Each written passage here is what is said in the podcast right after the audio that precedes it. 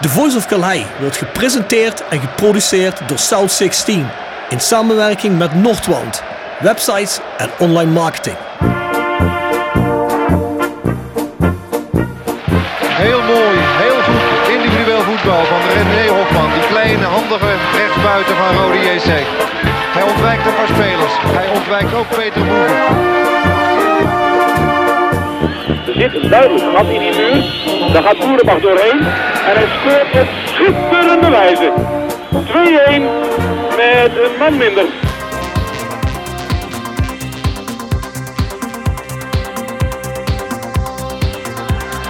Gaan Mankida aanspelen, jazeker. Mooie beweging. En hangen geblazen. Wat een goal zeg. Uit het boekje, een team met griffel. Zenden. Oh, oh! Gerry Zenden, wat doe je nou? De lenzen naar voren, naar voren, naar voren, naar voren. Doelpunt! Een doelpunt! doelpunt voor Roda JC. Roda mensen naar rechts. Hier is Paulussen, hier is Paulussen. En daar is de goal voor Roda JC. Bladeren schaart en Malky schiet. Zo! Ho, ho, ho! Wat een treffer zeg. Een granaat in de kruising.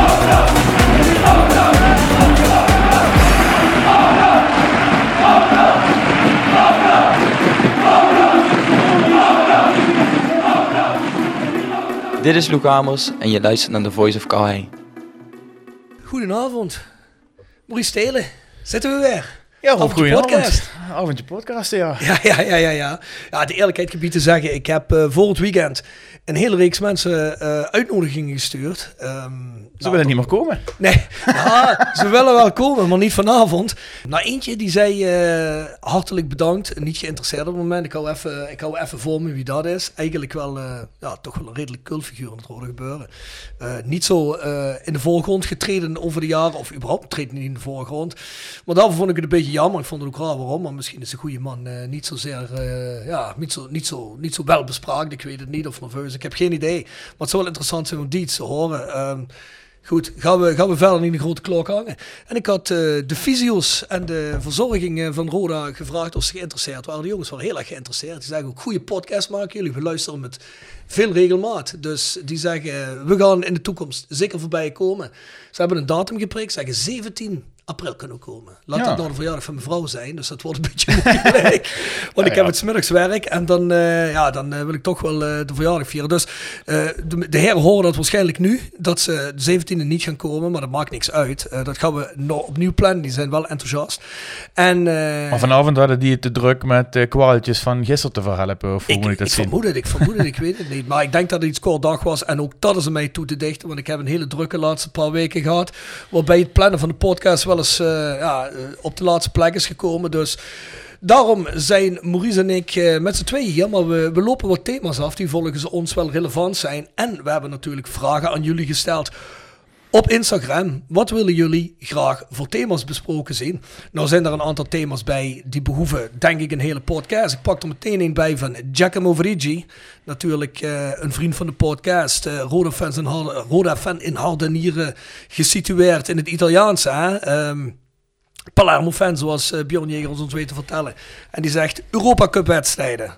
Nou ja, goed, daar gaan we eens een keer een hele podcast aan, aan wijden natuurlijk. En, Ik zou bijna zeggen dat is het waard om een eh, live podcast eh, te doen met een aantal gasten. Want daar kunnen we wel een hele hoop eh, mooie verhalen en anekdotes bij elkaar brengen, denk ik. Dat denk ik wel, Mo. En het is dat je dit zegt, want ik heb liggen nadenken over een thema voor een live podcast. En ik had zoiets van, ja, ik had die muziekpodcast geluisterd en ik denk van, maar ik wil toch eens terugluisteren hoe dat dan ook overkwam in de podcast. Was denk ik heel goed, of? Ja, was prima. Ja. Dat viel me inderdaad heel erg mee. Ja. Sommige mensen zeiden wel van, we merkten naarmate de, eh, de, van het eerste naar het tweede deel naar het derde deel, dat er toch wat biertjes genuttigd waren. Schijnbaar staat ons dat toch op de stem.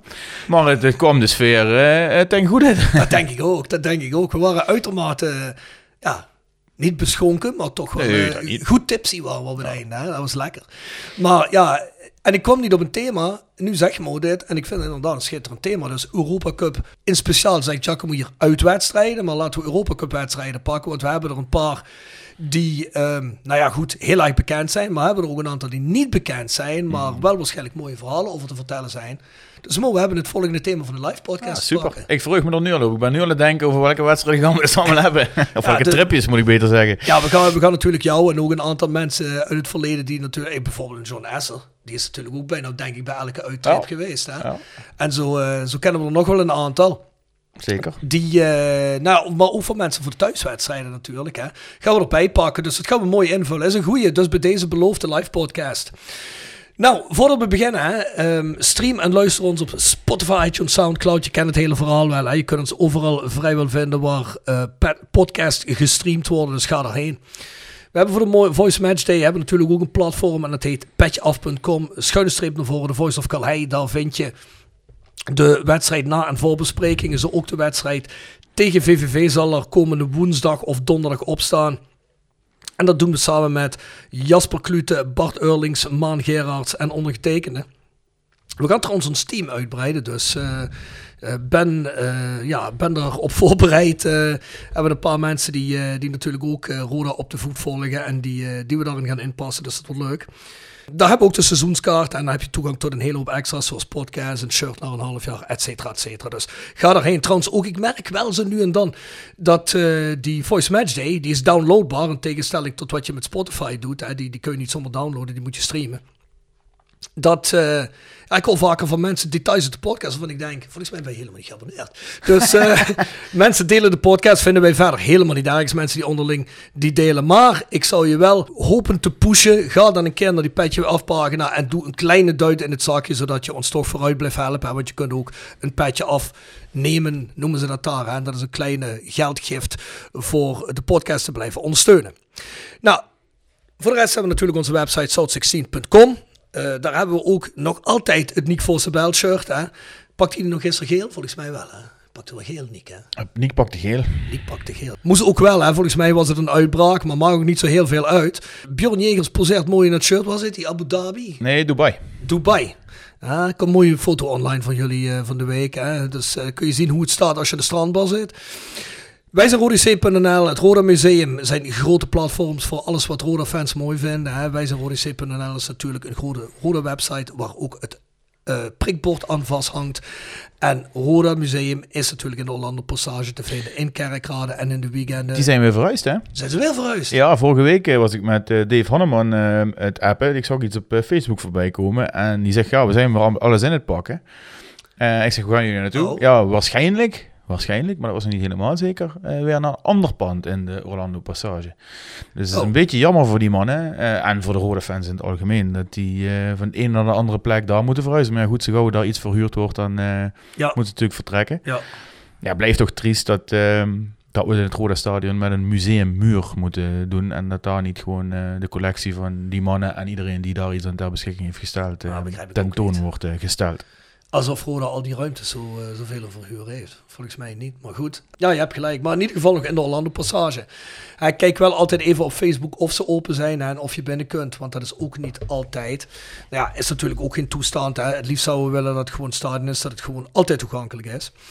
Ultras zoeken nog altijd naar een, een lokaal gelegen grote ruimte voor hun sfeeracties. Hè. En eh, ja, ondersteun dat zeker, want sfeer hebben we nodig, zeker in deze tijden. Verder eh, zijn ze, is de MSO-groep van Roda, hè, eh, de streetcrew van Roda, is ook altijd bezig met de verfraaiing van het stadion. De Koempel Graffiti. Heb je die gezien, man? Ja, het ziet er echt fantastisch uit. De Koempel Graffiti bij de ingang, wat is het, 5, 6 hè, op West. Ehm, en boven, op, boven West 6, eh, de, de NSC Graffiti ziet er ook hartstikke Oh, goed die uit. heb ik nog niet gezien. Dus boven links, boven op de Ja. Westtribune, als je op het veld staat. Op de muur. Ja, het ziet er, eh, ziet er heel gaaf uit. Ik vraag toevallig net per app, omdat ik het thema op de lijst heb staan aan Mark Zender, wat is de tussenstand van de, van de donatie? Ik, eh, heb ik nog geen antwoord op. Wellicht voor het einde van de uitzending krijgen we een beetje een idee wat er gesponsord is. Maar die mensen kunnen natuurlijk eh, goed geld gebruiken voor, voor materialen. Ja, Eh, doen precies. fantastisch werk om nog iets van het stadion te maken nu dat zo leeg is. Ja, want wat is het einddoel? Volgens mij 10.000 euro. Hè? 10.000 euro, ja. denken ze dat ze nodig hebben om verfraaiing te kunnen voltooien. Ehm, ja, dat kost natuurlijk allemaal, het kost natuurlijk allemaal materiaal, hè, zoals jij al zegt. Dus eh, wat dat betreft. Ja, ik ben heel even ook op mijn apps aan het kijken, want Mark heeft mij ook een link gestuurd die we ook deze week gaan posten. En volgens mij staat daar de tussenstand, nou, oh, daar komt die. Tussenstand is een kleine 2800 euro, dus we zijn nog een... ehm 7200 euro verwijderd en je kunt daar doneren. Er zijn al 161 donaties gedaan, zie ik. Dus blijf doneren daaraan, zodat we ja, een verfraaing van het stadion zien. Die zo is als wij graag een, eh, een, fan gedomineerd stadion zien. Hè? Dus, eh, en als je foto's wil zien ervan, publiceren we mee met de link van de week. Dus kijk op de South 16 eh, socials voor foto's daarvan. Dat is inderdaad schitterend. Vers gebrande pinda's wordt gepresenteerd door Hotel Restaurant de Veilerhof.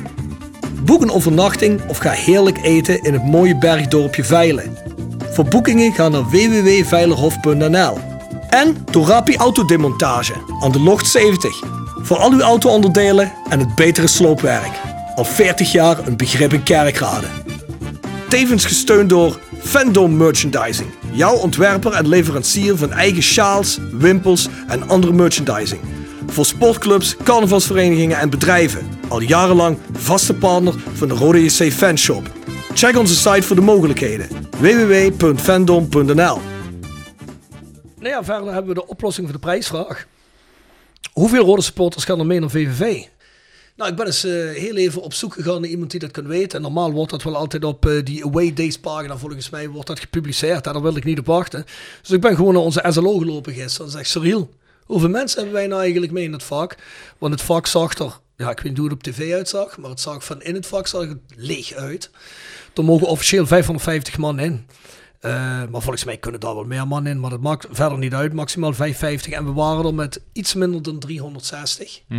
Ook eigenlijk jammer, want dat is allemaal altijd een uitwedstrijd die gegarandeerd altijd uitverkocht is. Hè? Ja, het tekent natuurlijk een beetje de, de tijd en wanhoop bij de rode fans ondertussen. Eh, Ik moet zeggen 350, 355. Dat valt dan inderdaad niet mee, maar op tv zag het er, eh, ik heb op tv gekeken, eh, zag het er eh, prima uit. Ja. Dus dat, eh, dat eh, zag er goed uit. Ja, Utrecht Kerkrade had zich geposteerd in Ja. het, eh, in het ja, van ons gezien vanuit het uitvak in het linker onderhoek. En dat is denk ik ook wat je op tv het beste ziet. Eh, Er werd de hele wedstrijd gezongen, dus wat dat betreft eh, is, er, eh, is de sfeer eh, was behoorlijk. Er werd in ieder geval meer gezongen als door het thuispubliek, dus eh, daar hebben we in ieder geval wel mee gewonnen. Nou, een volgende prijsvraag. Hoeveel spelers van Roda zijn er dit weekend voor een vertegenwoordigend Londen elftal geselecteerd? Want het is Interland weekend, hè? Ja, want ik weet, Sammy Weiss zat hier, hè? die zat in de voorselectie van Ja, eh, onder 20. En die oefende tegen Frankrijk. Ik weet helemaal niet of die geselecteerd is. Die is want- niet geselecteerd, nee. nou goed, nou, dan hebben we er al eentje minder die we, die we, hierbij, kunnen, die we hierbij kunnen zetten. En eh, nou ja, natuurlijk, maar jammer is, genoeg is het geen rode speler meer. Hè. Ik zag dat, eh hebben we het ook vorige week met Sammy over gehad, dat Benji Bouchouari natuurlijk geselecteerd is. Hè. Ah, top voor die jongen. Ja, zeker. Ja. Goed, ons mailadres is thevoiceofcalais.south16.com Tip van de week. Gepresenteerd door Jegers Advocaten. Ruist de Berenbroeklaan 12 in Heerlen. Hart voor weinig, nooit chagrijnig. www.jegersadvocaten.nl En Nextdoor Kapsalon, Nagel en Beauty Salon op de locht 44A8 te Kerkrade. En Roda Support. Supporter van werk. De uitzendorganisatie rondom Roda JC waarbij de koempelmentaliteit centraal staat. Roda Support brengt werkgevers en werknemers met een hart voor Roda samen. Ben je op zoek naar talent of leuk werk in de regio?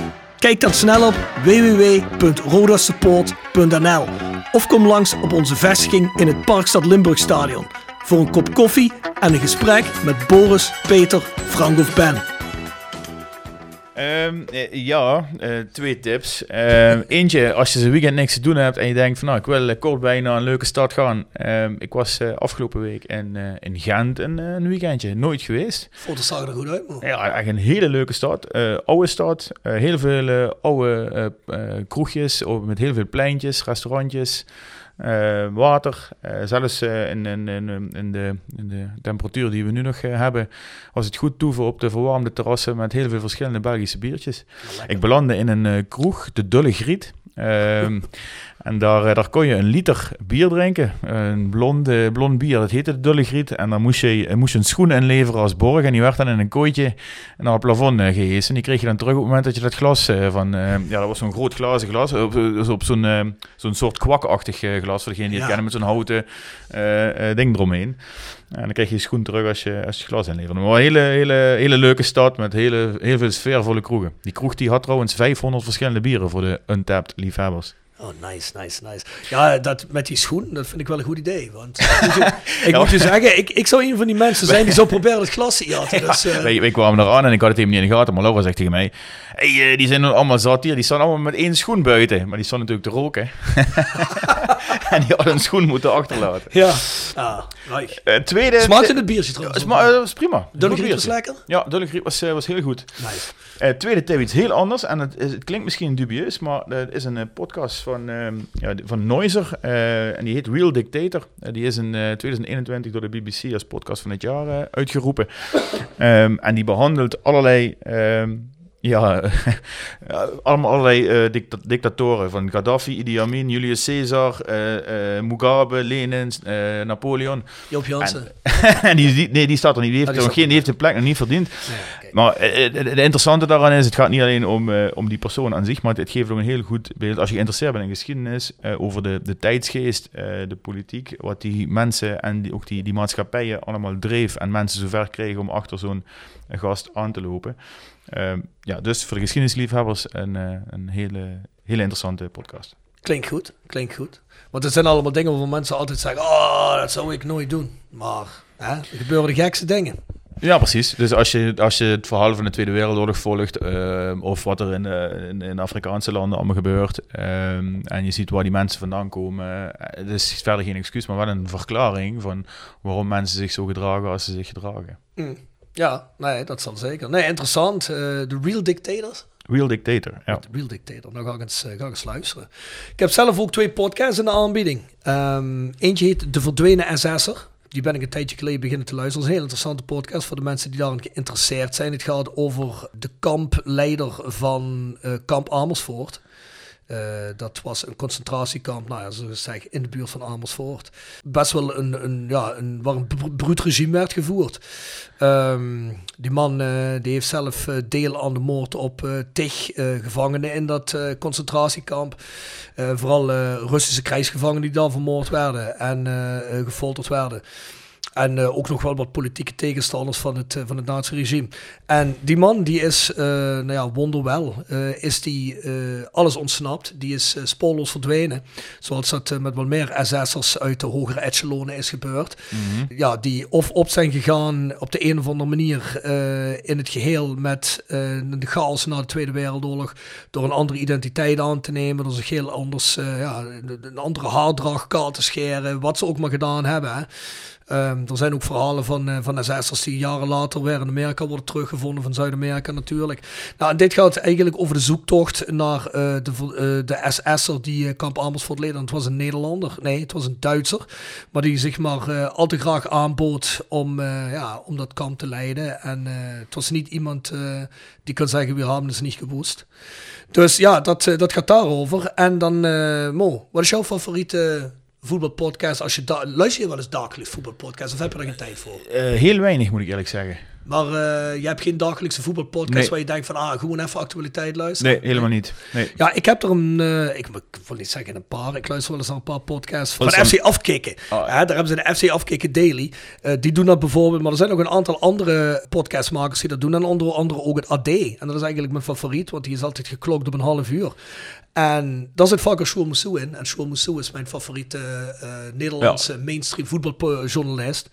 Is voor de Roda fans ook de, een van de enige journalisten die Roda altijd heel serieus uh, benadert. En Roda ook standaard noemt als het gaat om uh, gevallen giganten van het Nederlandse voetbal.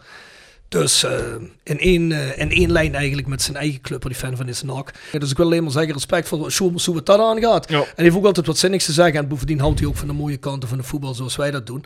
En hij is ook onderdeel van de Santos Voetbalpodcast, wat misschien wel mijn favoriete voetbalpodcast is. Dus ja, ja de Adi Voetbalpodcast, daar zit hij uh, elke drie dagen in.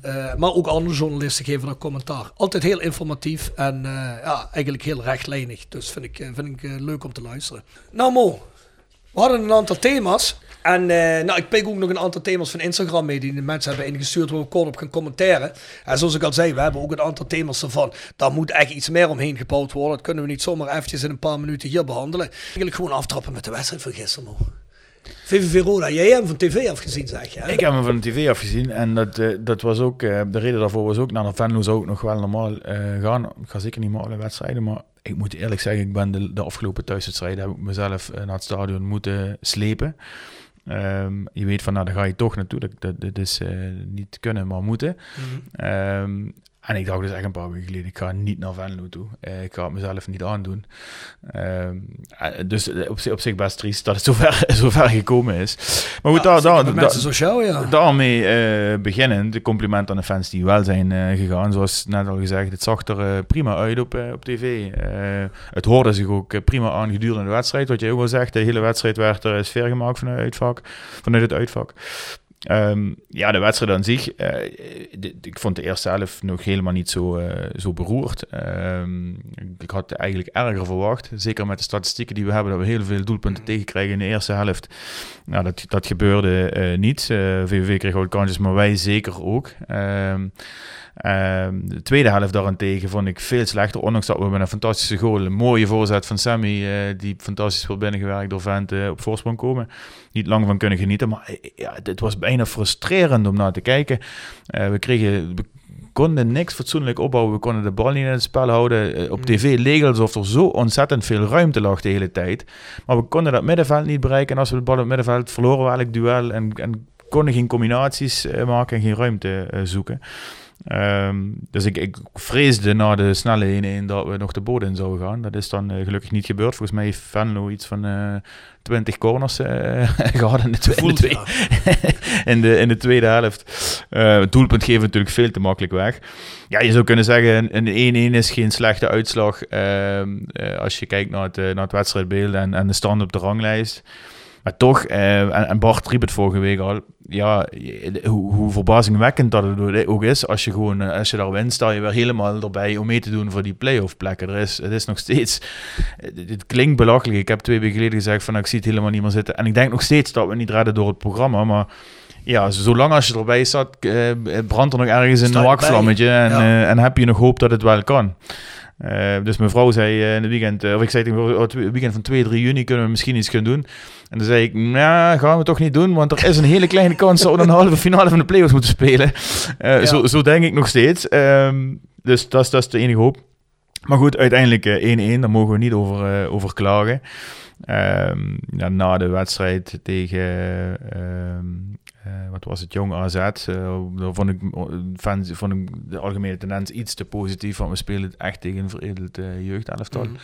en de wedstrijd daarvoor verliezen we natuurlijk. Nou is het op zich nog niet zo heel erg slecht om tegen Venlo, die nee. in een goede flow zit, de 1-1 te spelen. Nee, dat is ook zo.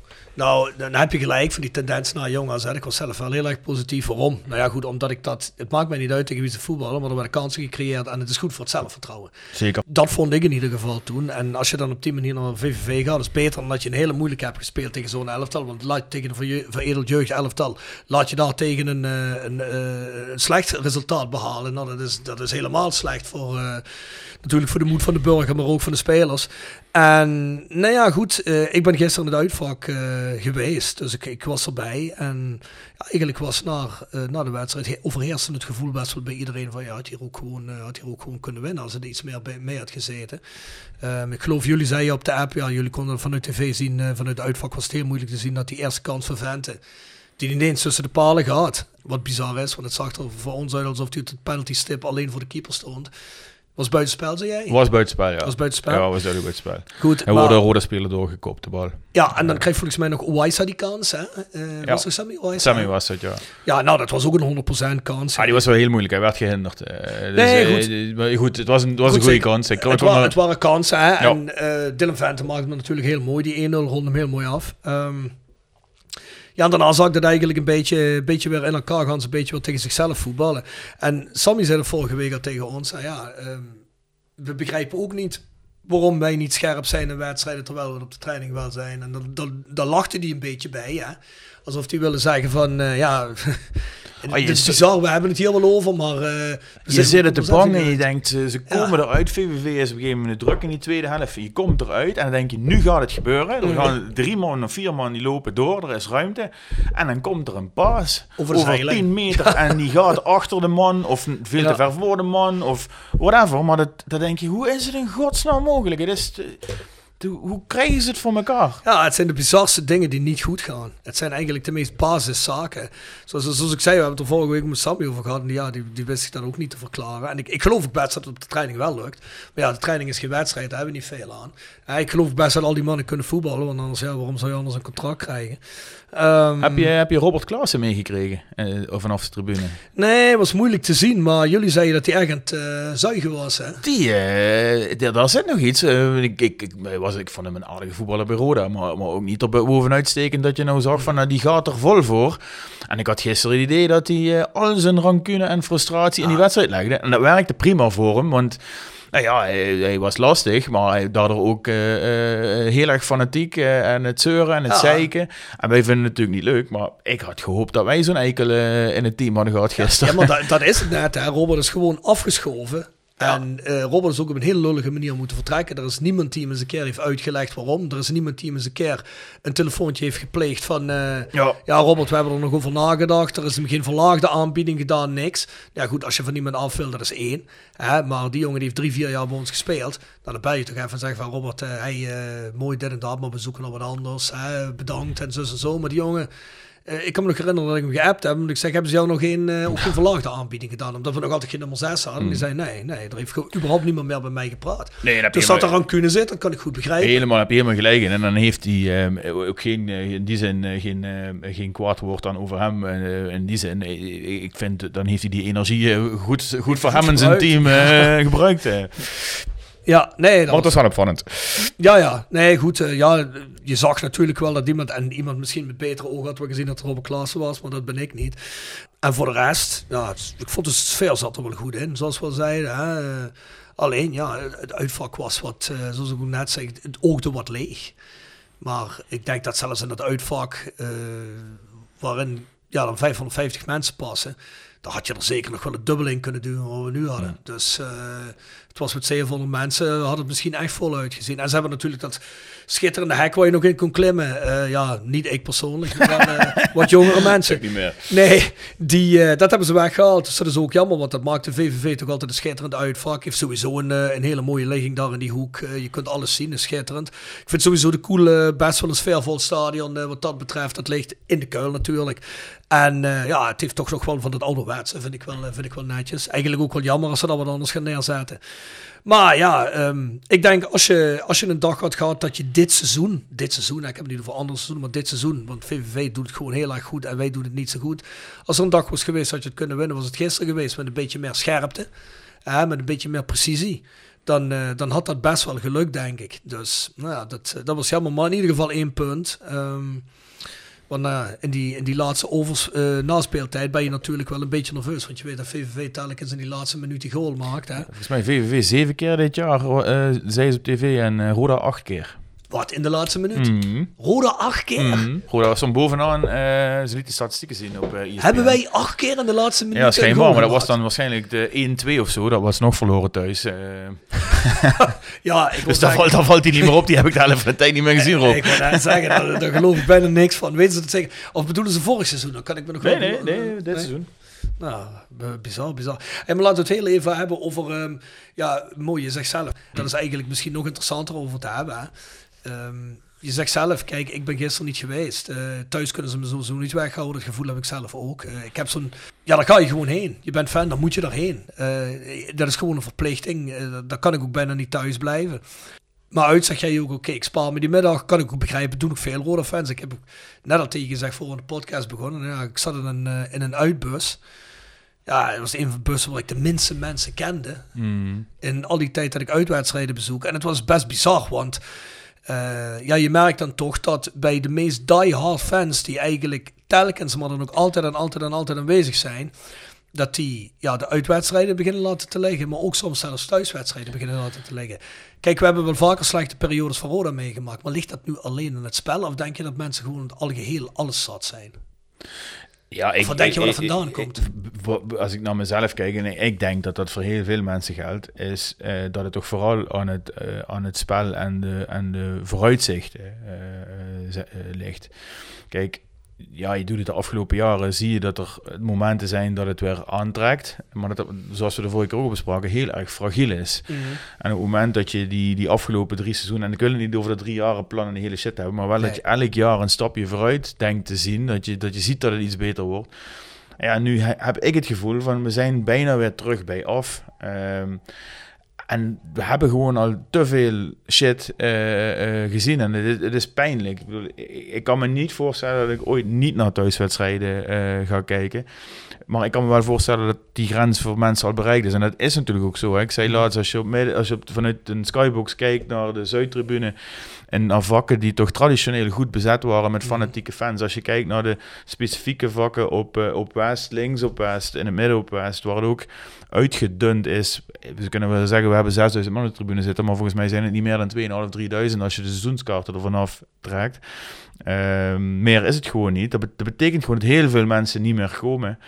eh, die normaal wel komen. Je, je hoort het ook aan mensen om je heen. Hè? En je, je ziet de, de bekende gezichten niet meer eh, eh, in het vak. En zoals jij ook bij uitwedstrijden.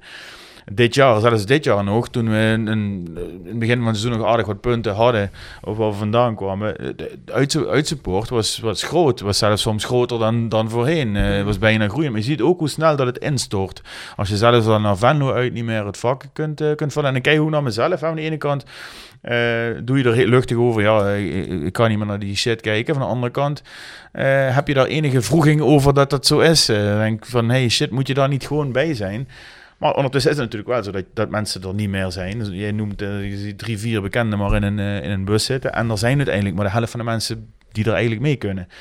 Ja, eh, volgens mij ligt het gewoon aan het feit dat we murf gebeukt zijn. En, ehm, en ik denk op, op zondagmorgen van, weet je, ik ben een halve dag kwijt en ik kom dadelijk weer met een grote teleurstelling thuis. Ik, Mhm. ik kijk die wedstrijd op tv.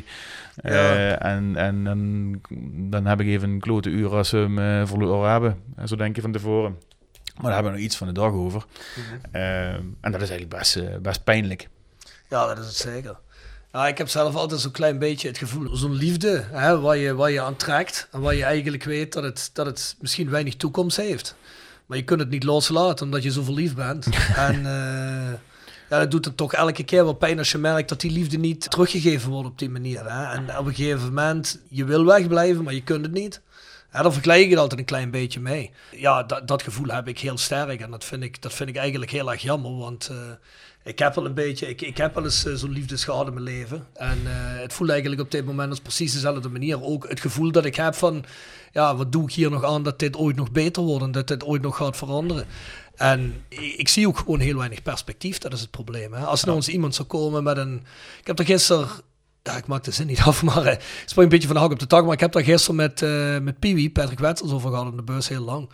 Ja, ik heb gewoon het gevoel dat daar, maar ja, dat, laten we dan maar niet alweer veel, veel te langer bij gaan, maar er, komen sowieso in de toekomst nog wel, zeker op het einde van het seizoen als conclusies echt moeten worden getrokken, gaan we er vast nog wel uitgebreider over hebben.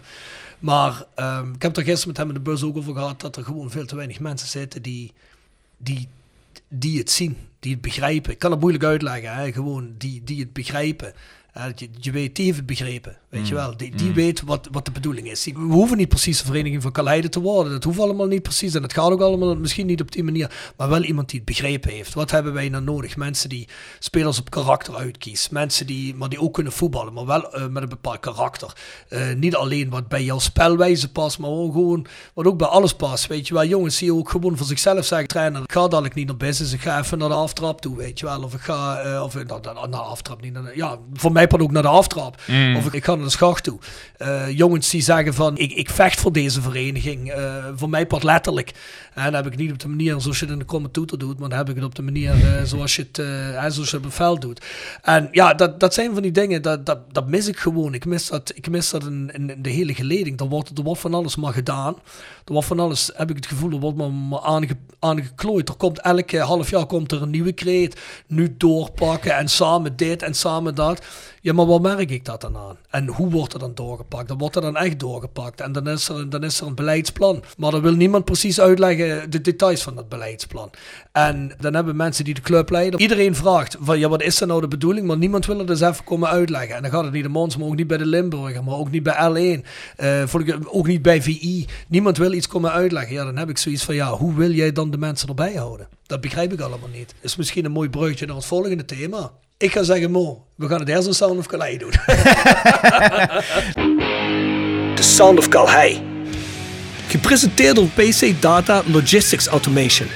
De partner voor leveren, installeren en onderhouden van geautomatiseerde ordeelverzamelsystemen. Zowel lokaal in kerkraden als globaal over heel de wereld. Zoek je een uitdagende job? Kijk dan naar onze vacatures op pcdata.nl. Ook worden we gesteund door Willeweber Keukens. Wil jij graag kwaliteitskeukendesign dat ook bij jouw beurs past? Ga dan naar Willeweber Keukens in de Boebegraaf 1 te Schinveld. Ik heb er geen voor je. Heb je er geen? ik heb er geen. Nee, ik ga er wel in doen. Tot een week geleden ben ik op tour geweest. Rebellion Tour, dat had ik ook een tip gegeven om Maastricht te komen. Het was trouwens een heel goed bezorgde show. Er waren uh, bijna duizend mensen. Dat was in de muziekgieterij, trouwens schitterende zaal. Uh, dat is in ieder geval iets schitterends wat ze in Maastricht hebben. dat was een hele gezellige tour. Het was ook heel erg uh, slopend, maar er speelde een band. En dat is een nieuwe Amerikaanse band, die heette Drain. Uh, is een beetje uh, ja, hardcore met een metal inslag. Uh, maar die, zoals ze in Duits zeggen, die ruimten elke show op. En ja, dat, dat ging er goed op. En die, hebben een, die opende altijd met een song die heet Feel the Pressure. En die ga ik erin zetten. Dus die komt in de, in de lijst terecht. Dus als je van het harde segment bent, ga die eens even checken in onze Sound of Calais playlist. Mooi.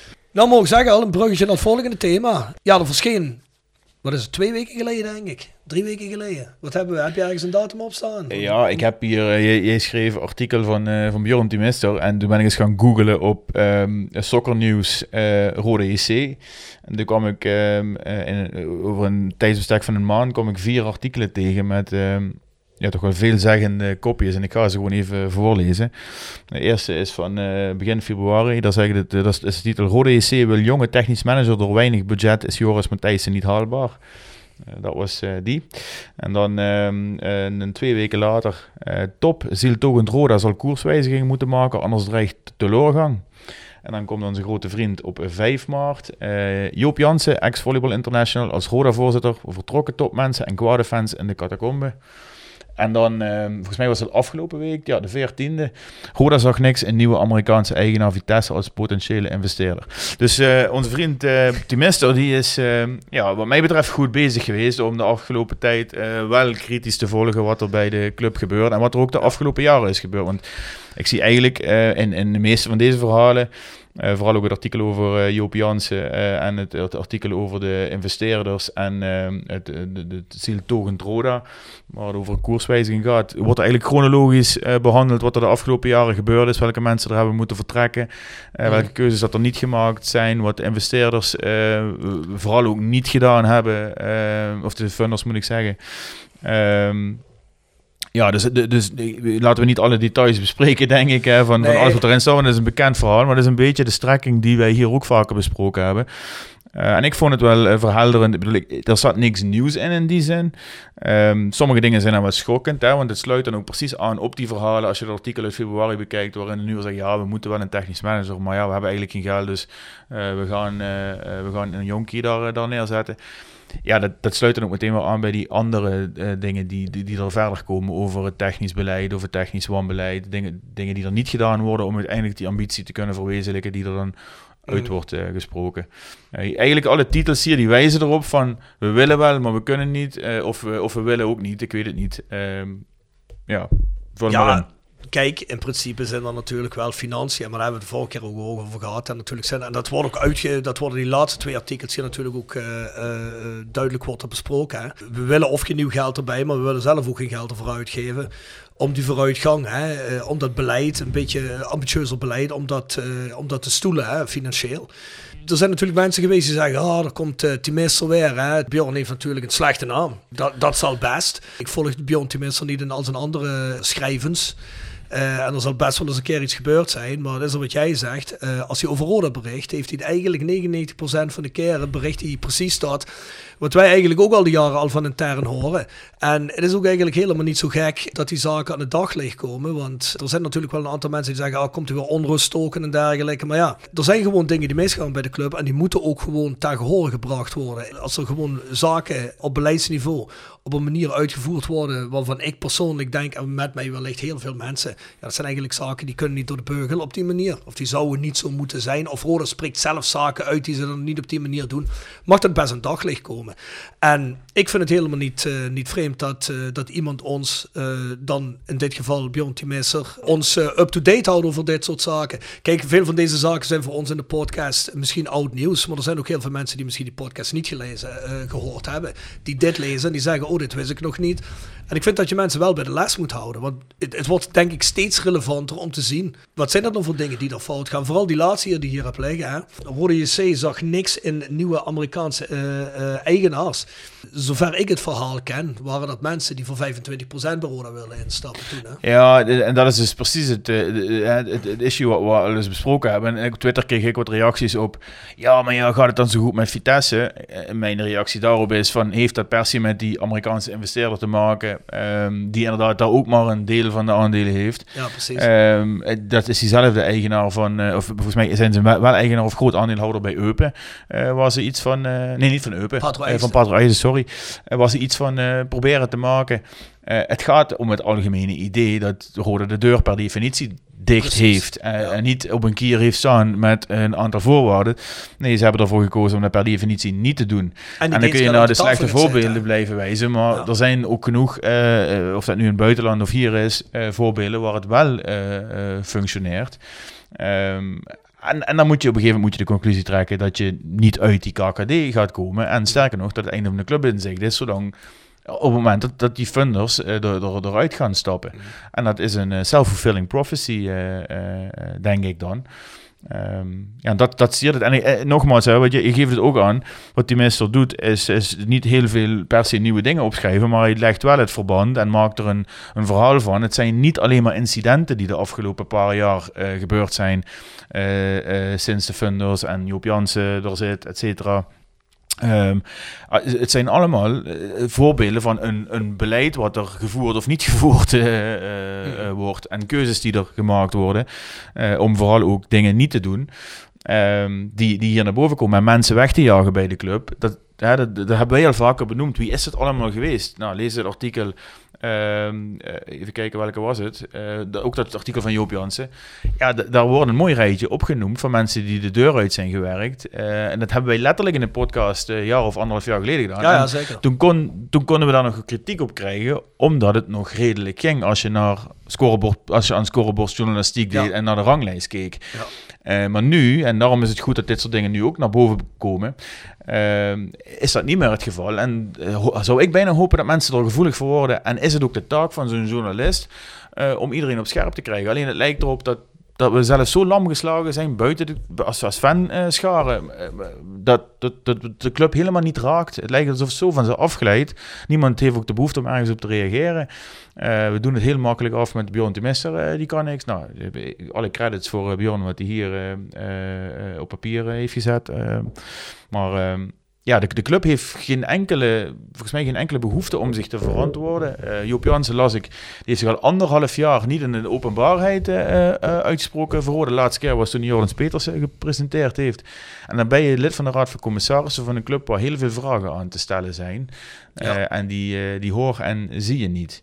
Ehm, ja, dus op, men, op zijn minst heel erg opmerkelijk. En ik, ik zou bijna hopen dat dit soort dingen, en het gaat natuurlijk niet alleen via een stelletje artikels, maar dat het ergens ook weer iets doet ombranden. Uh, om toch een, een bredere uh, discussie te krijgen. En wat mij betreft een, een, een opstand om, uh, om dit toch duidelijk aan te kaarten bij de club. Van hey, dit gaat helemaal de verkeerde kant op en dat pikken we niet. Denk je dat dat geluid wel sterker gaat worden als we straks geen players halen? Nou ja, ik zou bijna zeggen... is het nog redelijk rustig. Ja, het is, het is heel erg rustig, verbazingwekkend rustig. Ik, ik zou het hopen. Want ik weet niet wat er anders moet gebeuren om ergens iemand ter verantwoording geroepen te krijgen. Of mensen ter verantwoording te roepen voor wat, datgene wat ze met onze club zijn aan het richten. Ja, want dat is eigenlijk bizar. Hè? Iedereen zegt gewoon, ja, we, geen commentaar. En daar is het dan mee afgedaan. Ja, en we hebben het over het proces en bla bla bla bla bla. Eh, en we zijn 10% Moet je- moet eh, eh, het verbeteren. zonder daar ook enige concreet voorbeeld van te geven, wat het dan ook zou mogen zijn. Want alles wat jij en ik hier aan tafel met elkaar kunnen benoemen, dat gaat met tientallen procenten veranderd dat, maar het gaat niet de goede richting op. Nee. Bizar als het is, maar zelfs Rutte verantwoordt zich meer als dit. eh, neemt meer verantwoordelijkheid. En die doet al niks. Dus dat is heel bizar.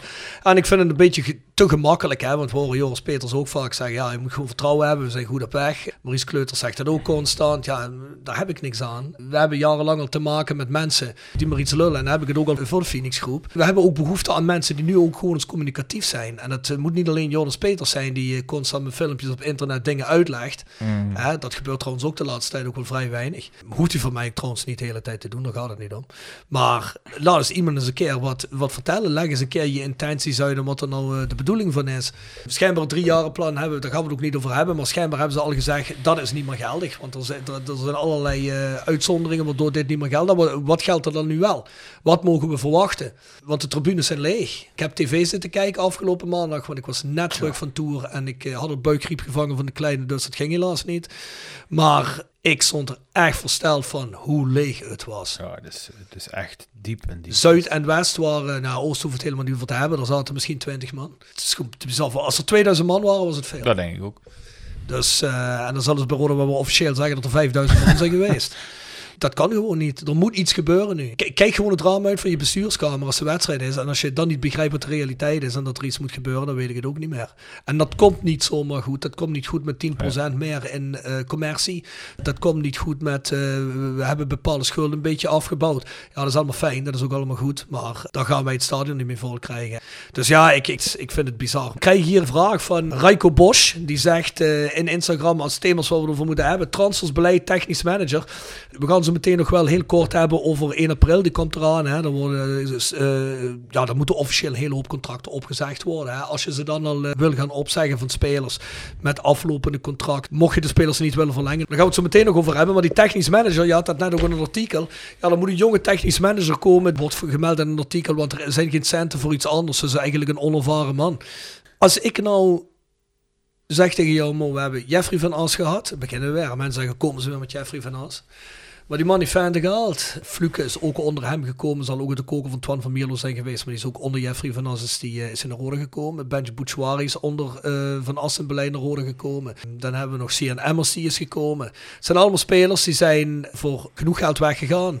En een Patrick Fluke, waarvan we weten dat het beleid toen de tijd was, we gaan geen extra centen uitgeven aan contractverlenging. Dus die is daar door de deur uitgelopen. Maar dat is dus eigenlijk een, een technisch manager die geld opgeleverd heeft voor de club. Benji Bouchouari gaat voor een miljoen weg. Eh, nou, wat zou eh, Jeffrey van As eh, verdiend hebben per jaar? 80.000 euro, 70.000 euro, iets in die richting. Ik heb geen idee. Nou, laten we zeggen, die heeft zich vijf keer heeft hij zich terugverdiend. Een goede technisch manager betaalt zich dat zelf terug en wil je dan niet net geld aan uitgeven, want dat brengt geld in het laadje. Ja, maar, je kunt een onervaren technisch manager eh, halen. Of enig iemand anders eh, binnen een bedrijf. Stel ik, eh, ik ga een, eh, een, een, een, een, eh, kopen. Of ik ga een, een, band renoveren. Ja. En, en ergens een huis hier, Rob wil toch een huis gaan kopen en in Kerkrade staat er een, een gestript pand en dat moeten we gaan maken. Dan ga ik er eerst ervoor zorgen dat ik mensen met ervaring ga halen die fatsoenlijk die kunnen metselen, die kunnen stukken.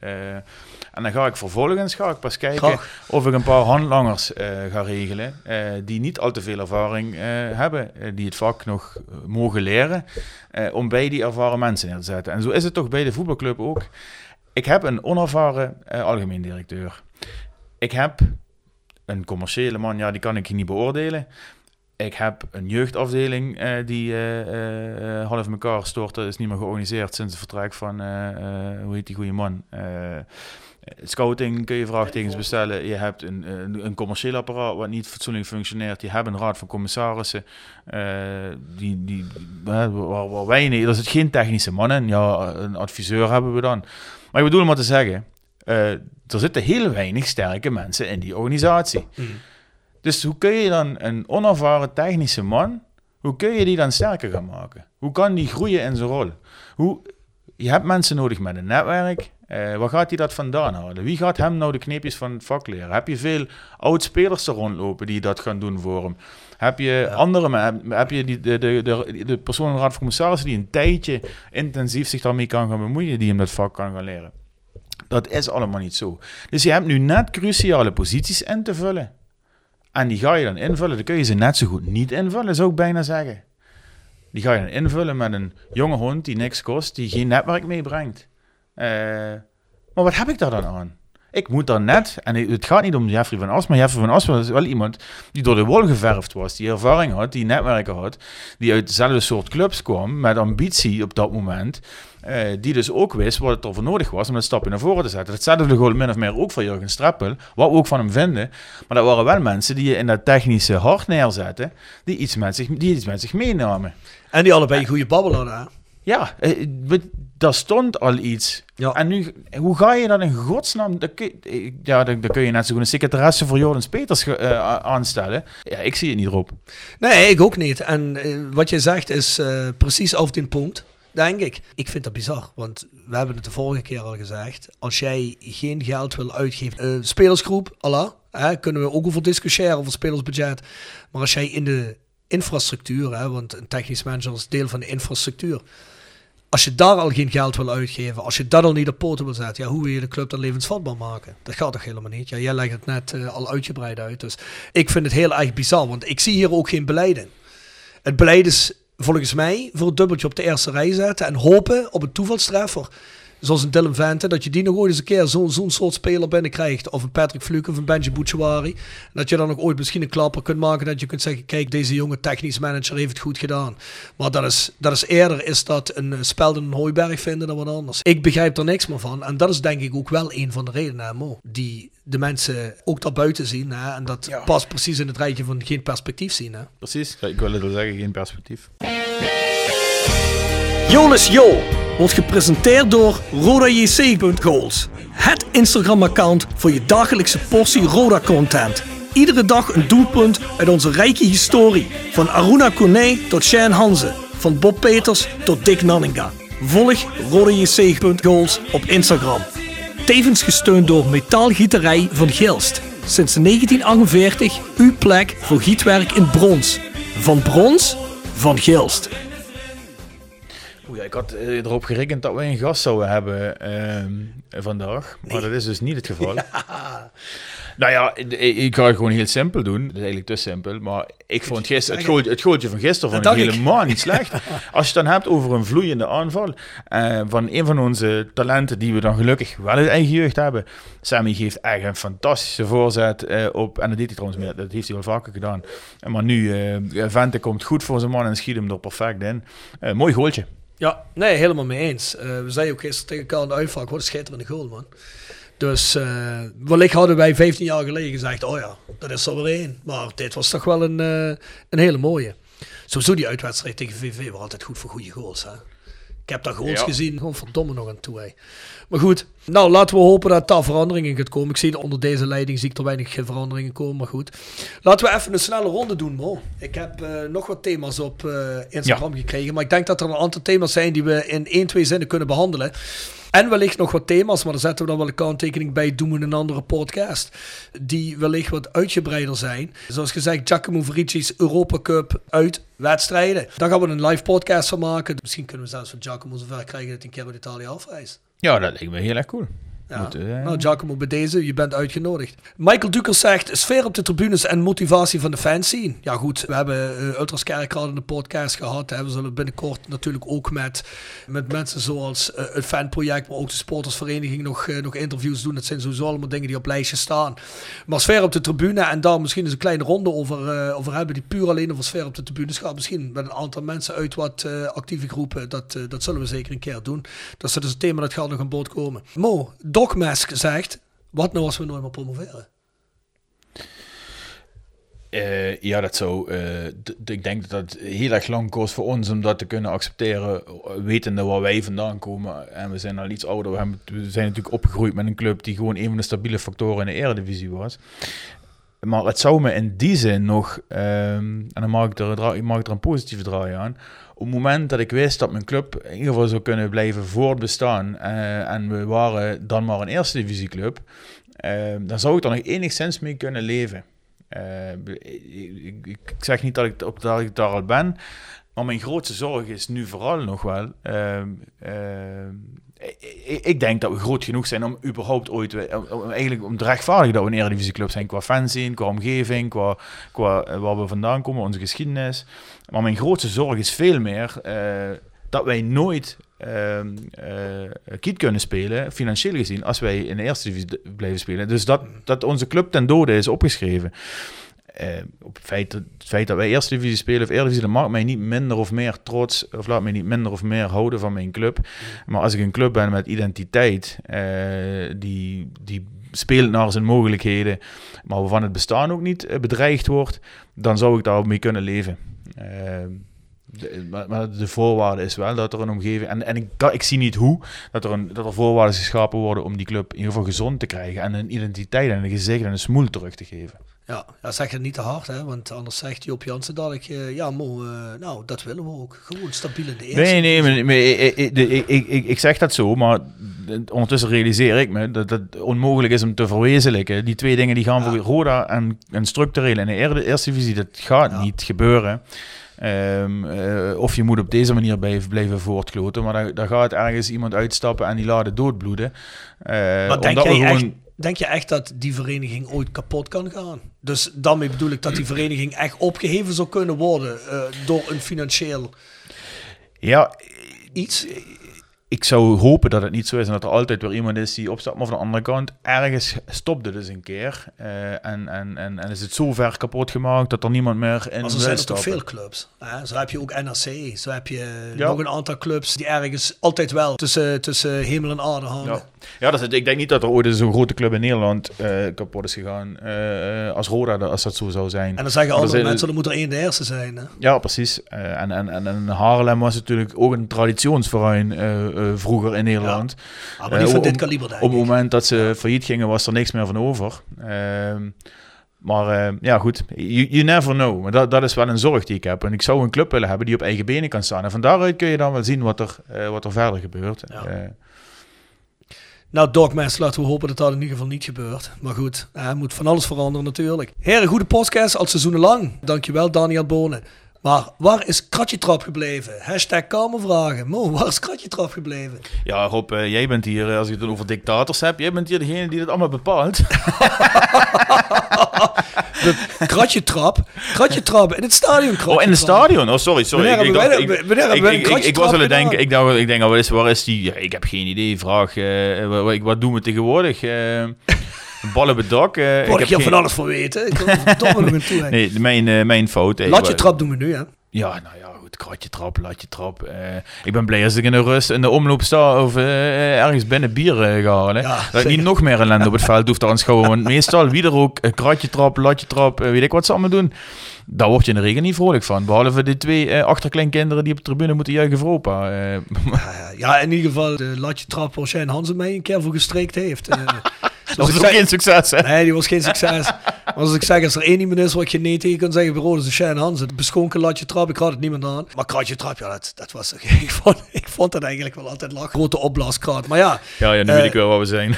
ja eh, ik weet het niet of de brand zegt, eh, we doen het niet meer. Of dat Rode zegt, we doen het ze moeite niet meer die kraat eh, op te blazen. Ik vermoed het tweede. Maar ja, op een lat trappen, nou ja, goed... eh, ik weet het niet. Ik heb een VVV... Als, als, als, als dat hetgene is waar we ons daar zorgen over moeten maken, Ja. dan eh, zou ik Ja, zeggen, goed. uh, hees de vlag maar eh, hoog. Want eh, Ja, ja, ja. Nou, even een minder probleem ook. Kom.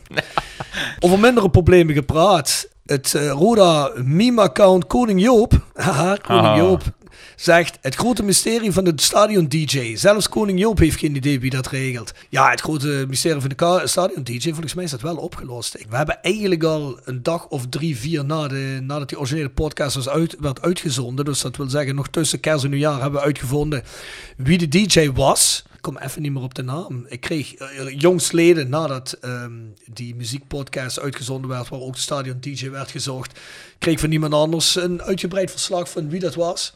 En dat het zelfs afgewisseld werd tussen twee mensen. Alleen, ja, volgens mij zouden we daar iets mee gaan doen, maar ik weet even niet wat dat de stand van is. Nee, ik, ik moet heel eerlijk zeggen, ik wist dat, dat die persoon ondertussen ontmaskerd was. Maar ik dacht ook al dat er actie was ondernomen eh, eh, om met die persoon te gaan praten. Maar dat, dat is, eh, blijkt nu niet, niet gebeurd. Dus ik... Nee, ik denk dat die in de supportersraad moet dat maar eens behandeld gaan worden. Hè? Want Ja. dat, die is immers voor dit soort dingen. En Barry Horiamont, die zich in de muziekpodcast aanbood om daar lijsten voor te maken of eventueel zel- zelfs in het hok te gaan staan. Die sprak bij jongsleden nog aan op het vak. En die zei van, eh, ja Rob, hoe zit dat dan mee? Ik ben nog altijd bereid en ik hoor me nog altijd eh, klaar om eh, deze taak op me te nemen. Dus mensen, we gaan dit aankaarten bij eh, de supportersraad. Dus ik denk Sean Krings of, eh, of Ivo. Ingo hè, of Ivo. Mannen, we, we gaan binnenkort eens erover hebben, want een betere sfeer in het stadion begint natuurlijk ook bij de muziek. Hè. En het of moet, niet- moet niet zo moeilijk zijn om in ieder geval het gesprek met die gast Nee, aan te gaan. dat- en nu weet wie het is. Ja. En, en zelfs als de gast het zelf het wil doen, dat hij in ieder geval onze playlist pakt. Of die beter past in ieder geval. Anders kunnen we nog steeds een, een actie doen zoals bij onze Mexicaanse vriend. om hem gewoon in de rust eh, buiten te zetten. We kunnen hem ook gewoon van drie hoog naar onder gooien.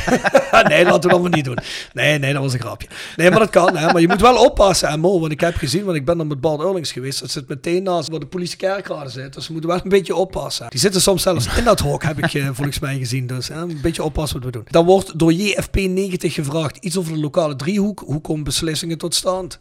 Ja goed, dan zullen we eens keer iemand van de lokale driehoek proberen uit te nodigen. Alleen vrees ik dat iemand van justitie hier niet komt zitten om zich te verantwoorden aan een eh, voetbalfans podcast. Maar Nou ja, misschien de burgemeester. Peter Dassen, denk je dat ze weer zullen komen? Ik heb geen idee.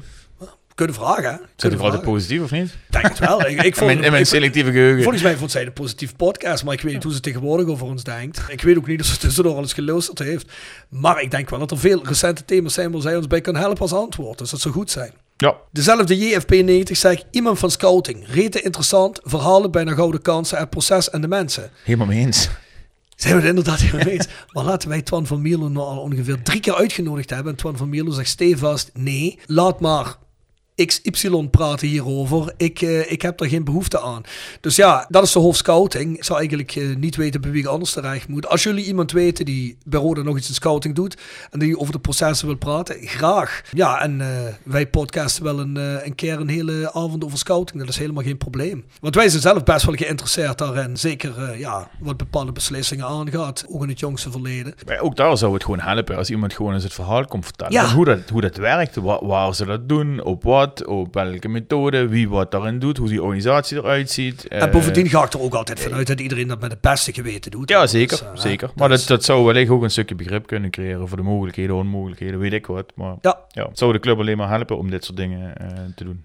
Nou, de volgende is een bruggetje naar het volgende thema. Het huidige uitsupportersbeleid, zegt Ralf J. Ja, heel even kort maar over het uitsupportersbeleid. Er zijn al wel geruchten dat er een, eh, ja, dat er, eh, een, eh, een algemeen verbod zou moeten komen op uitsupporters. Politievakbonden beginnen te schrijven van er ontbreken ons mensen in het weekend om dit te doen, om dat te doen. Volgens mij wordt er zelfs ergens gezegd om moordzaken op te lossen. Nou, ik vraag me af of ze daar in het weekend wel zo intensief in bezig zijn. Ik denk ook niet dat de recherche moordzaken eigenlijk bij een wedstrijd worden ingezet. Maar ja, het zou niet zo best zijn als, als het daarop afstevend, hè? Nee, en ik, eh, nou, ik moet een beetje me voorzichtig uitdrukken, maar ik vind dit een, eh, dat is natuurlijk al jarenlang, eh, zijn uitsupporters eh, voor eh, de politie een doorn in het oog, want ze zien het allemaal als verloren capaciteit en de helft van eh braaf Nederland eh, roept ook, eh, oh, die, die voetbalfans, eh, weer ze maar. Ehm, dus het komt nu goed uit dat er wat eh, discussies zijn over capaciteit. Dan kunnen we dat als extra argumenten in de, in de strijd gooien. Ja. Terwijl als ik kijk naar de, de incidenten, en ik wil sommige dingen niet kleiner maken. Kijk, zo'n zo'n shit die gisteren gebeurt bij, bij Groningen, waar een speler een vuistslag in het gezicht krijgt. Ja, dat moet natuurlijk niet kunnen, maar dat ga je niet oplossen met extra politie of minder politie of geen Nee. politie of heel veel politie. Ehm, maar op het moment dat er een Fortuna supporter in het water valt eh, bij Volendam, eh, dan wordt dat als groot incident eh, uitgemeten. En dan is er weer supportersgeweld geweest. En zo zie je elke week dat er dingen in de pers komen of in het nieuws komen. Ja, eh, die gebeurde elke wedstrijd ergens. eh, en er, daar kraaide geen hond naar. Ehm, het wordt allemaal zo opgeblazen. Eh, er is gewoon een tendens om iets te vinden en ons moreel uit te spreken over, over voetbalsupporters in het algemeen en dan uitsupporters in het bijzonder. Men wil er gewoon vanaf. Eh, het interesseert, eh, eh, de, de, de, politie interesseert het dan in die zin dat ze dat, dat ze dat sowieso willen. De KNVB heeft er volgens mij, maakt er niet echt een, een, stem in dat die zich keihard uitspreken en zeggen uitsupporters horen erbij. Ik vind dat clubs en fans daar gezamenlijk een, een punt in moeten maken. En ook eens de andere PR moeten, moeten gaan, gaan activeren. En media trouwens ook. Hè. Er, er, er zijn ook zoveel coole dingen die er plaatsvinden in stadions op het moment dat er eh, thuis- en uitfans eh, zijn. Eh, maar burgemeesters vinden het allemaal maar lastig. Die, kunnen, die, die, die gebruiken het als goed excuus. Je ziet het meer en meer. Hè. Die mag niet meer daar naartoe, dan mag die niet meer daar naartoe. Die mogen geen, omdat de thuisfans zich misdragen hebben, mogen het hele seizoen geen uitfans meer komen. Eh, de schering en inslag. En het lijkt echt iets van Nederland te zijn, deze discussie. Ja. Ja, eh, er zijn heel veel problemen met hooligans in Engeland geweest. Er zijn eh, de, de grote topics in Duitsland, eh, waar niemand het ooit over heeft. Want iedereen kan zo goed met elkaar door een deur, roept men dan altijd. Dan, Ja. dan is men dus nog nooit over de grens geweest naar een Nee. Duitse voetbalwedstrijd. Daar, maar da- daar is dit onbespreekbaar. En, en waarom is het onbespreekbaar? Da- Daar breekt de pleuris uit op het moment dat iemand het ook maar zou proberen om aan te kaarten. Ja, wat dat betreft, wat eh, ben ik eh, niet onder de indruk van de mentaliteit in, eh, in dit land, maar dat mocht, mocht al duidelijk zijn. Dus een hele, hele slechte zaak waar, waar echt om niks, en er- zijn wel belangrijkere dingen, dit wordt gedaan. En ik, ik zou zelfs durven stellen, ehm, en nu ben ik, ben ik mijn eigen punt kwijt. Oh ja, als je, daar- als je volgens mij, normalisering, als je daar eens op zou focussen, dan zou er veel meer kunnen. Kijk, gisteren zitten er 350, al waren er 500 fans voor Roda en Venlo. Eh, gaat allemaal prima. Nee, maar waar gaat het nu over? Dat er twee stenen naar een bus zijn gegooid. Eh, dat blijft nog, eh, nog weken rondzingen. in, de thuiswedstrijd. Maar over al die wedstrijden waar het goed gaat, waar er een goede sfeer is, waar het allemaal prima is, hoor je niks. Eh, en dat is, eh, ja, wat mij betreft, vind ik super triest. Ja, nee, helemaal gelijk. in. Daar wil ik het ook belaten.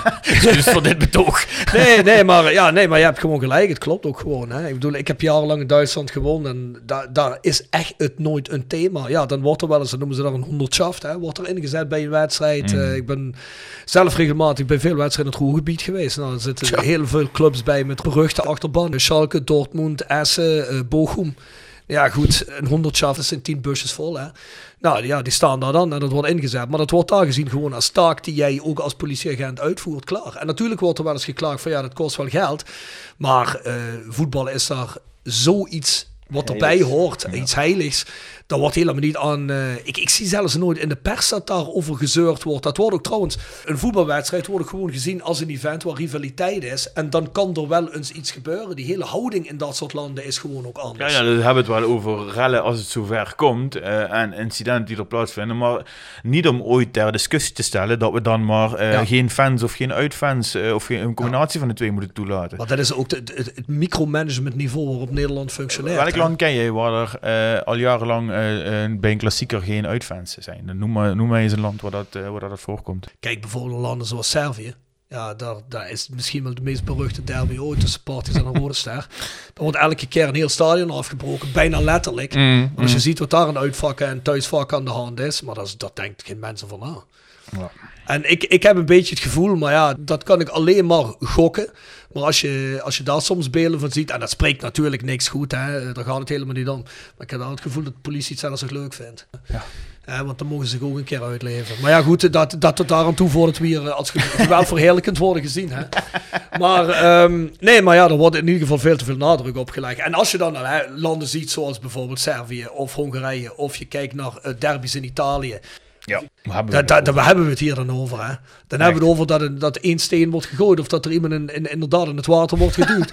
of er slaan drie mannen elkaar op de bek onderling. En dan nog, wat gebeurt er dan? In, in China valt een zak om. Moeten we daar er niets van maken? Ik begrijp het niet. Het, ik- ik- waarschijnlijk worden wij gezien als onmoreel, eh, Mo. Maar, ja, eh, dat, zal, ja. dat zal vast. Nee, maar het, het is een be- het is een beetje raar. Er wordt veel te veel, eh, veel zout opgelegd. Maar goed. Five Aside. Gepresenteerd door Herberg de Bernardeshoeve. Weekendje weg in eigen streek? Boek een appartementje en ga heerlijk eten met fantastisch uitzicht in het prachtige Mingersborg bij Marco van Hoogdalem en zijn vrouw Danny. www.bernardeshoeve.nl Tevens worden we gesteund door Wiert's Company. Ben je op zoek naar extra personeel? Bezoek het kantoor van Wiert's Company in het Parkstad Limburgstadion of ga naar www.wiert.com. Voordat we naar het laatste themaatje gaan, ik heb net eens heel eventjes een uh, five side samengesteld. En Ik heb ook. heb je een five side samengesteld? Waarvan heb je een five side Ik, samengesteld? ik, ik, ik bleef hangen in de wedstrijd van gisteren. Ik ook. Ik heb dus ik had gewoon Heb oudspelers eh, van Roda. eh, Oh, eh, eh. Dus eh, eh, eh, ik, noemde Graaf, Tros, Luipers, eh, eh, Hanze en Babangida. Als, wat, als spelers van VVV? Als oudspelers van Roda die ook eh, bij... eh, of, of vice versa. Die Da- bij dat is een clubs leuke. gespeeld Ik heb er een gemaakt gewoon van ik dacht dat zijn de vijf beste spelers die gisteren gespeeld hebben. hebben. Oké. Dus eh, ik, ik, eh, ik pak Nicolas, want die had weer een paar goede reddingen gisteren. ja. zeker. Eh de pak ik achterin pak ik Guusje op. Eerst, als eerste helft kwam die fantastisch uit om die bal daar eh, net voor de hoofd weg te boksen. Want Ja. die, eh, die hadden we geteld. Ja, nee, dat was een super redding. Zat hij net met zijn vuist net voor dat hoofd. Ik weet niet meer van wie dat hoofd was, maar dan zat hij net tussen. Zag er trouwens uit de uitvak, zag dat er ook geweldig uit trouwens. Ik heb achterin Guusje opgepakt. Maar daar had ik volgens mij ook gewoon Reuzel kunnen pakken. Dat was allemaal, was dat redelijk degelijk. Ook niet fantastisch, maar hè. Dan pak ik natuurlijk Sammy Wijsa. Speel een goede wedstrijd. Arjen van der Heijden vond ik een goede beurt maken. Ja, Die, lekker eh, fris. Ja, fris. Kwam een man langs. eh, had een goede actie. Speelde ook lang. Ook terecht.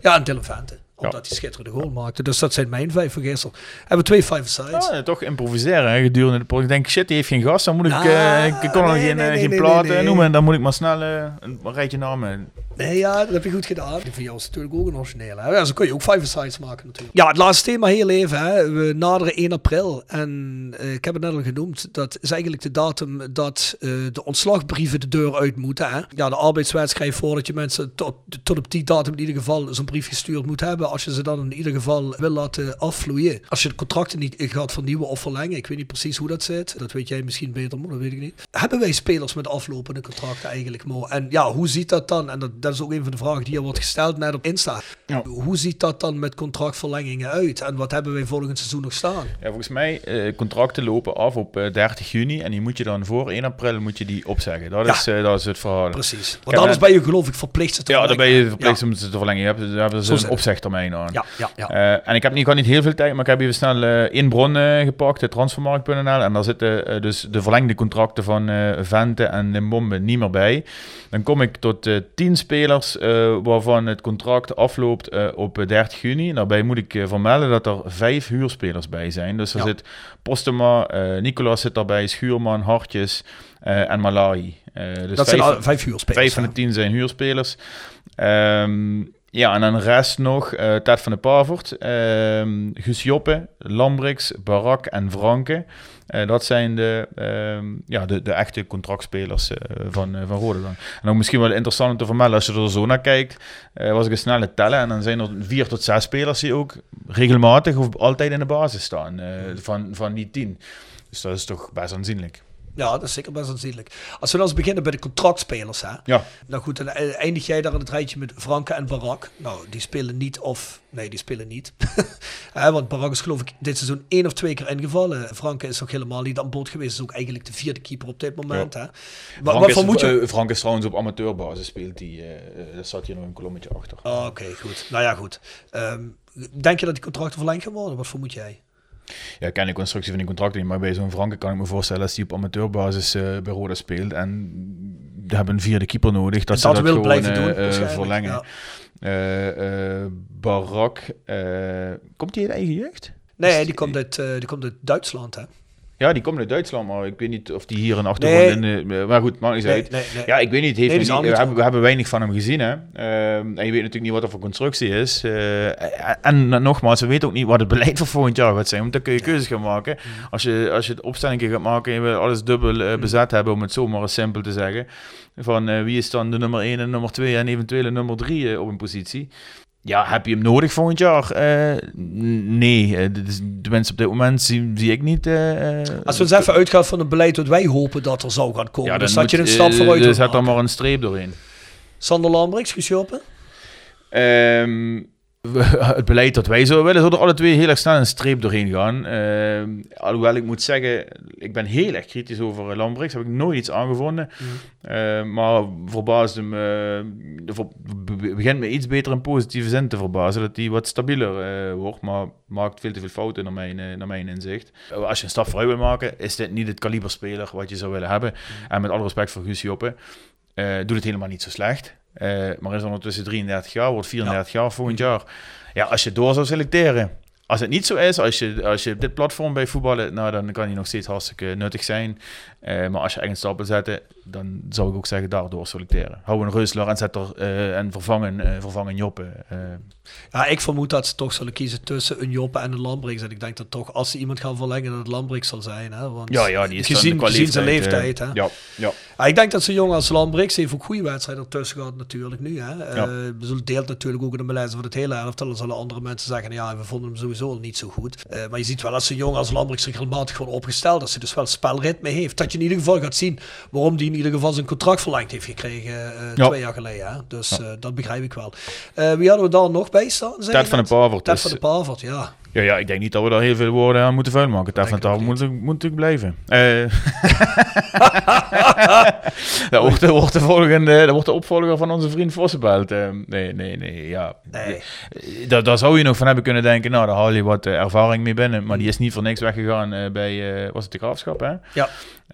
Uh, heeft nog geen seconde indruk gemaakt, nee. wat mij betreft. En staat ook nu niet voor niks in een vijfman verdediging er ook niet op, hè? Ja. Dus uh, je zou denken dat een vijfmans verdediging dat hij wellicht zal spelen, maar uh, ook dat gebeurt niet. Hè? Die jongens die gehuurd zijn, zijn er jongens bij waarvan jij zegt die zou ik willen houden? Begin dan inderdaad maar eens bij Moorten Nicolaas. Ik zou hem wel willen houden. Ik vind dat hij beter en beter wordt. Ik vind een goed keepertje en heeft ook een punten uit de laatste wedstrijden. Ja ik weet niet of een uh, Gladbach uh, nog denkt van... Uh, die, ik denk dat een Gladbach denkt, als, die, als ze hem echt als talent beschouwen... dat ze ook daar denken, die moet elk jaar een stapje maken. Mm. en als, als hij niet bij Gladbach terecht kan... dat ze op zoek gaan naar een, ja. een club waar hij de volgende stap gaat zetten. Mm. De, zou ik hem willen houden hier? Zeker.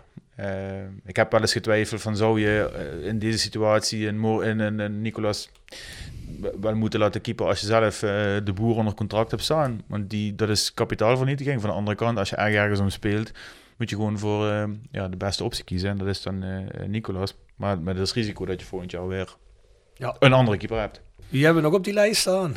Ja, Postema. Tja, valt ook een beetje door de mand dit seizoen, toch? Ja, ja. en, en, en, af en toe vond ik hem positief opvallen, maar uiteindelijk toch te weinig. Uh, ik zou me kunnen voorstellen dat een club als Groningen, komt die mm. aan, uh, dat die hem nog een jaar zou willen uitlenen. Want op dit moment zeker niet het niveau om daar... Uh, nou ja, misschien volgend jaar wel, hè. Ja, om daar naartoe terug te gaan, wat zeg ik eigenlijk. Maar, uh, nee, precies. Maar ik zie wel, als, als Groningen degradeert, kan ik me goed voorstellen. Dan zal daar ook wel een grote leegloop plaatsvinden. Ja, dan kan ik me voorstellen dat ze blij zijn met zijn postje, en dat ze hem een nieuwe kans gaan geven. Ja, dus, uh, dat ik het zeg, realiseer ik me dat ook, ja. Als ze erin blijven, kan ik me voorstellen dat ze zeggen, hou maar nog een jaar. Of dat ze hem zelfs afstoten. Maar ja, dan moet je je afvragen, wil je die jongen natuurlijk hebben? Ik, ik weet niet of het eraan ligt hoe die gebruikt wordt. Of uh, dat die jongen er gewoon niet lekker in ziet. Maar we hebben nog niet veel van hem gezien. Want wat heeft hij gescoord? Drie goals nu? Of zo ja, dit seizoen? Zoiets, ja. Uh, drie, ja. vier goals. Dat is toch te weinig. En ook kansen, was dat, was het tegen AZ? Uh, jong AZ, afgelopen week of daarvoor. Die echt een goede kans kreeg. En, nou ja, ook te vaak dan als hij dan in de positie komt dat hij hem dan niet maakt. Ja. Maar goed, te weinig van gezien. Ja, Jesse Schuurman staat hierop. Ik, ik, weet niet wat jij vindt, maar ik heb hem in die paar wedstrijden dat hij er is, uh, heeft hij helemaal geen indruk uh, nee. op mij gemaakt. Lennart Hartjes loopt er al een tijdje meer rond. Denk ik dat dat potentie heeft, maar zijn ventje van 19 uh, en, en verzuipt hier nog, uh, vind ik. Regelmatig in ieder geval. Ja, ik, ik, ik denk ook als je zo'n gastje in een uh, goed draaiend team hebt spelen, met, met, met wat meer ervaring ja, om zich heen, dat die, ja. zich veel, dat die veel beter gaat, gaat renderen. je kunt niet van zo'n gast verwachten dat die op het middenveld opeens de leider is. Of het moet een super getalenteerd spelertje zijn. Kijk, het is geen Benji Bouchouari, ja? Nee. Nee, nee. Ik denk zo Lennart Hartje is inderdaad wat jij zegt, houden, mits er mensen bij kan komen waaronder die misschien wel beter kan renderen, dan kan ik me voorstellen dat je hem wil houden. Want er, er, zit wel veel potentieel in, denk ik. Ja, ja, ik denk ook dat een Feyenoord misschien wel ook op die manier kijkt. Hè, van, eh, eh, eh, we willen wel dat de jongen zich in een omgeving speelt waar hij ook succesvol kan zijn. Is, dat, is dat wel?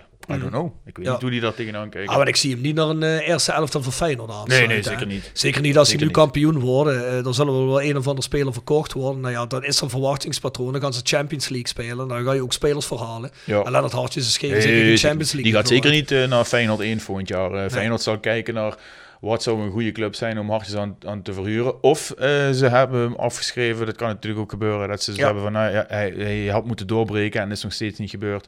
Eh, dus we gaan, eh, we gaan hem voor een zacht prijsje van de hand doen. Dat zou ook nog kunnen. En dan zit er nog een vijfde tussen. Ja? Malahi, die is, zat er nog op. Ja, die hebben ze gehouden. Eh, toch, eh, in eerste instantie onder Strappel zou die terug naar Utrecht gaan in, in de winter, begreep ik.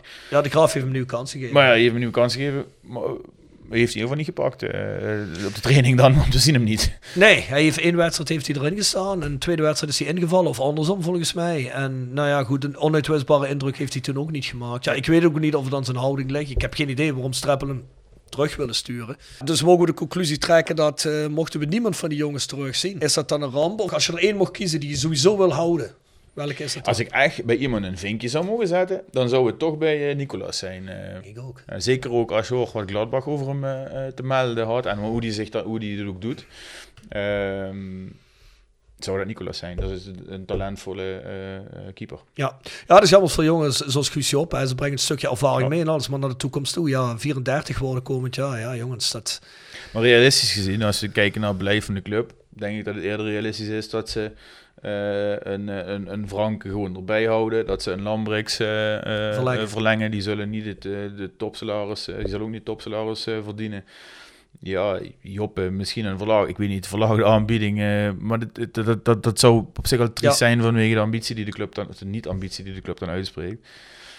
Ja, of de rest zie ik, eh, ik, ik kan me niet voorstellen dat je na eh, dit seizoen denkt, oh, laten we Jesse Stuurman eh, van de graafschap overnemen. Nee, dat niet. Dat, Nee. dat, dat lijkt me zinloos. Goed mensen, 1 april komt eraan. We gaan het zien. In ieder geval die vijf met een aflopend contract gaan een opzegging van een contract ontvangen. Nou ja, goed. En dan, dan zullen we zien hoe en wat. Ja, goed.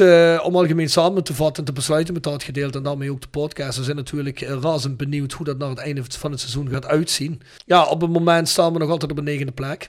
Het veld trekt wel een beetje uit elkaar. Dus eh, de ploegen boven ons hebben volgens mij bijna allemaal gewonnen. Ja, dan kun je wel zeggen, VVV gelijkspel is nog altijd een iets wat goed resultaat. Maar ja, eh, als je ziet wat er aan gaat komen, ben ik toch eh, bang dat de donkere wolken zich gaan samentrekken boven het PLS. Nou ja, goed, en we zullen zien hoe dan de ambitie voor volgend jaar is. En in het spelersgebeuren, wat er dan gaat gebeuren. Maar ook op Noorden hebben we het ook uitgebreid gehad en over gehad in deze podcast. Goed Mo, heb jij nog iets van de sterk verhaal van ons? Stichtpunt Sterke Stories. Gepresenteerd door Stichtpunt Tattoo Kerkrade. tevens gesteund door Van Ooyen Glashandel. Sinds 1937 vervangen en repareren wij al uw glas met veel passie en toewijding. Met 24 uur service. www.vanooyen.com En Quick Consulting. Laat finance waarde toevoegen aan je organisatie. We komen graag met je in gesprek om aan de hand van concrete voorbeelden duidelijk te maken hoe we dit ook binnen jouw onderneming kunnen realiseren. Think win-win, think quick. www.quickconsulting.nl Tevens gesteund door Roda Arctic Front. Sterk verhaal. Nee, Ik had, er, ik had er vorige week eentje over mijn Millwall ervaring op eh, de halve finale van de FA Cup. Eh, heb ik een sterk van. Ja, ik, eh, dan blijf ik in Millwall. oh, kom. Doe. Nou, wij waren, en het is ondertussen ook alweer, eh poeh, dat zal zeker weer eh, eh, tien, misschien wel twaalf jaar geleden zijn geweest. Gingen we elk, elk jaar een weekendje naar, eh, naar, naar Engeland, meestal Londen. Eh, met, eh, met onder andere de gasten zoals Rick Harbets en eh Chef Kik, eh, Dave Simons. Volgens mij waren we met Rick Hans, een groep van een man of 7, 8, eh, geen idee. En ik, ik, ik had het programma in elkaar gezet en ik wist dat het krap zou worden, maar we hebben eerst een wedstrijd, wedstrijdje van Millwall gepland en vervolgens een wedstrijd, ik weet niet meer welke club in Londen, ik durf niet eens meer te zeggen. Maar in ieder geval het feit was, we moesten in Mag, de... mag ik heel even onderbreken? Ja. Jullie waren met acht man en je had wedstrijd van Millwall uitgezocht. Een thuiswedstrijd. Een thuiswedstrijd van Millwall. Dan weet ik bijna zeker dat je aangesproken bent. Ja. nou ja, en, eh, en Tele die had gezegd, nee jongen, luister jongens, wat we kunnen doen is, we kunnen een helftje van Millwall meepakken. is toch een leuke, ik was daar wel eens geweest, maar dan was ik er inderdaad eh, maar met een twee geweest. En dat was een wedstrijd tegen QPR, ook wel leuk. Maar dat, eh, nu, ehm, ehm, ik weet niet eens tegen wie Millwall spelen, maar in ieder geval het feit was, we moesten in de rust, moesten we naar buiten. Want om die volgende wedstrijd helemaal te kunnen zien. Of we moesten Millwall afkijken en alleen de tweede helft van die volgende wedstrijd. Nou, we hadden, Millwall, de wedstrijd was zwaar eh, bagger. We hadden genoeg gehoord van het geschel van jong en oud om ons heen. Wat natuurlijk fantastisch is in, eh, in, in die buurt hè, om, eh, om aan te horen. En we lopen naar buiten. ehm, en eh, we moesten naar het eerst de dichtstbijzijnde metrostation, naar de underground. Of trein, ik weet het niet eens, maar volgens mij was het metro. En we liepen langs het café, was het de Golden Lion is dat? Volgens mij wel, ja. En ehm daar zou dus iedereen die niet bij Millwall naar binnen eh, mocht. En je weet wat al bij Millwall wel naar binnen mag. En dat zijn al, is een heel fris eh, publiek. Waar kinderen van, eh, van vier met een Stone Island je- trui stenen is aan te gooien. we, lopen er langs. En Rick Hansen zegt nog tegen, ik vergeet het nooit meer. Uur zit dat zo, wenn vrij problemen krijgt. Uur met een muppet kleren. Dus wij hadden ook hekken en Stone Island Mhm. mm. truien jassen aan. En we lopen met z'n achter langs die kroeg. En Rick Hansen had ons al gewaarschuwd. En met komen er gasten naar buiten, met armen breed. Hey, wat doe je? What, what, what, the, what the fuck are you doing here? En ik kan je eerlijk vertellen, nou, normaal bij voetbalwedstrijden, en zeker in die tijd was ik nog niet zo heel erg gecharmeerd van eh, die Old Bill, om het dan maar eens in het Engels eh, te zeggen. Eh, maar die kwamen langs gereden en die, die kwamen net op tijd bij het café langs. Die waren ondertussen gewoon die mensen om naar buiten te komen. Ehm, en die bleven naast ons rijden. Een stukje verderop werden we dan ook niet aangehouden, maar we moesten wel ons staande gehouden. En we moesten ons idee laten zien, vertellen waar we vandaan kwamen. Maar goed, die politie die eh peerde hem meer. En wij dachten, shit, de, dat, dit gaat, voelt niet helemaal het best aan. Maar uiteindelijk kwamen ze wel weer terug en waren wij blij dat we eh, bij het eh, Metrostation. bij het metrostation waren. Moet ik je heel eerlijk vertellen, want het was, nou ja, het was niet de, de- het was een, een, typische Millwall sfeer. Uiteindelijk hebben we natuurlijk hartelijk om dit incident kunnen lachen. En vooral om de, de waarschuwing van Rick Hansen, die de bui al van verre zag hangen toen hij de Golden Lion zag. Want het is toch wel een, ja, een befaamd, berucht café. Zeker. Eh, ja, dat dus. Ja, ja ik, eh, een café met leeglopende stadion verboden. Dat, eh, in- zeker bij Millwall, daar zou ik ook niet heel erg charmeerd van zijn, moet ik je zeggen. Dus nee, ja, goed verhaal man, goed verhaal. Dus hebben we twee eh, Millwall verhalen. Goeie, goeie, goeie. Ja, Mo, ik wil je wel bedanken voor een, eh, voor een eh, innoverende podcast Ja, sessie. Laten we de sponsoren weer eventjes erbij pakken. Dan hebben we Jegers en Telling Advocaten. Next Door Hair, eh, Nail en Beauty Salon. Nu gesloten, want ze zitten in Dubai. Zijn ze echt op vakantie? Ja, ze zijn vijf dagen op vakantie. Dus ze zijn echt Lekker. met z'n tweetjes even ertussen. Ja, zeker. Ah, zijn ze gegund. Hotelrestaurant de Veilerhof. Herberg tot Benaleshoeven. Noordwand. Rapi Autodemontage. Van Ooije Glashal. Quick Consulting. Wiertz Company. Fando Merchandising. Nederlands Mijnmuseum. Roda Support. PC Data. Metaalgieterij van Gilst. Willeweber Keukens. Stichtpunt Tattoo Kerkrade. TVUK Sport Noord. En Roda Arctic Front, Roda fans uit Scandinavië. Scandinavië, jazeker. South16.com is onze website waar je onze shop kunt vinden. The Voice of Calais at south16.com is ons e-mailadres. En petjeaf.com schuine streep naar voren. The Voice of Calais is waar je de Voice Matchday vindt met alle voor- en nabesprekingen. Ga je daar aanmelden. En voor de rest vergeet je natuurlijk ook niet deze podcast te volgen, zodat je altijd een waarschuwing krijgt als die uit is. En dan zou ik zeggen mensen, tot volgende week.